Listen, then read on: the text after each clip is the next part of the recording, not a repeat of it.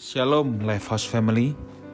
Matius pasal yang kelima ayat yang ke-30 berkata Jika ya hendaklah kamu katakan ya Jika tidak hendaklah kamu katakan tidak.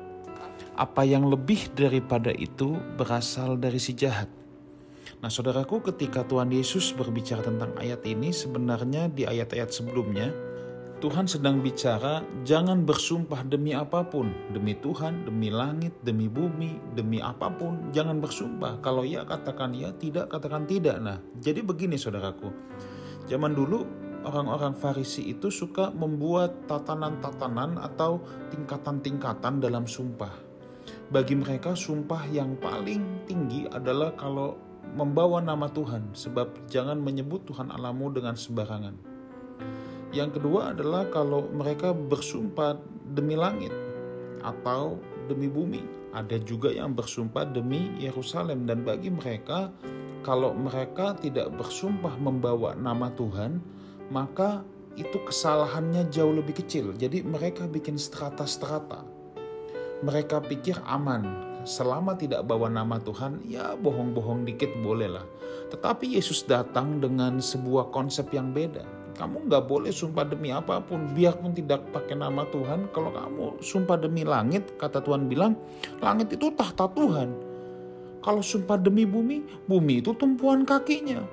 Demi apa pun tidak boleh, tetapi yang Tuhan inginkan adalah jika ya, katakan ya. Jika tidak, katakan tidak. Di sini manusia harus belajar yang namanya kejujuran. Sadarkah kita kadangkala Eh, kita mengucapkan sumpah itu untuk meyakinkan orang lain. Misalnya, bener deh sumpah gue nih tidak bikin begini. Swear deh, swear. Nah sebenarnya tanpa kita sadar ketika kita mengawali sebuah kalimat dengan sumpah deh, janji deh. Sebenarnya kita sedang menempatkan diri kita, kita tahu bahwa orang yang kita ajak bicara itu tidak percaya dengan kita Makanya kita harus mengawali dengan gitu. Sumpah deh, saya nggak begini-gini. Janji deh, saya nggak begini-gini. Karena kita tahu orang yang sedang kita ajak bicara itu sebenarnya tidak percaya dengan kita. Kenapa orang tidak percaya sama kita?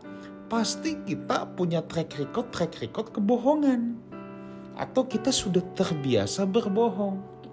Nah, itulah sebabnya marilah sekarang kita belajar hal yang sederhana ini. Jika ya, katakan iya. Jika tidak, katakan tidak. Kita tidak perlu bilang, sumpah deh benar, janji deh, nggak usah. Kalau ya, katakan iya.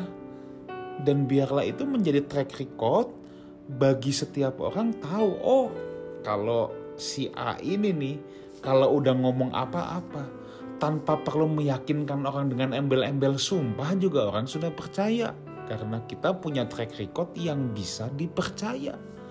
Tapi ya kalau kita nggak punya track record yang bisa dipercaya, ya mau nggak mau untuk meyakinkan orang percaya dengan omongan kita, kita harus tambahkan embel-embel.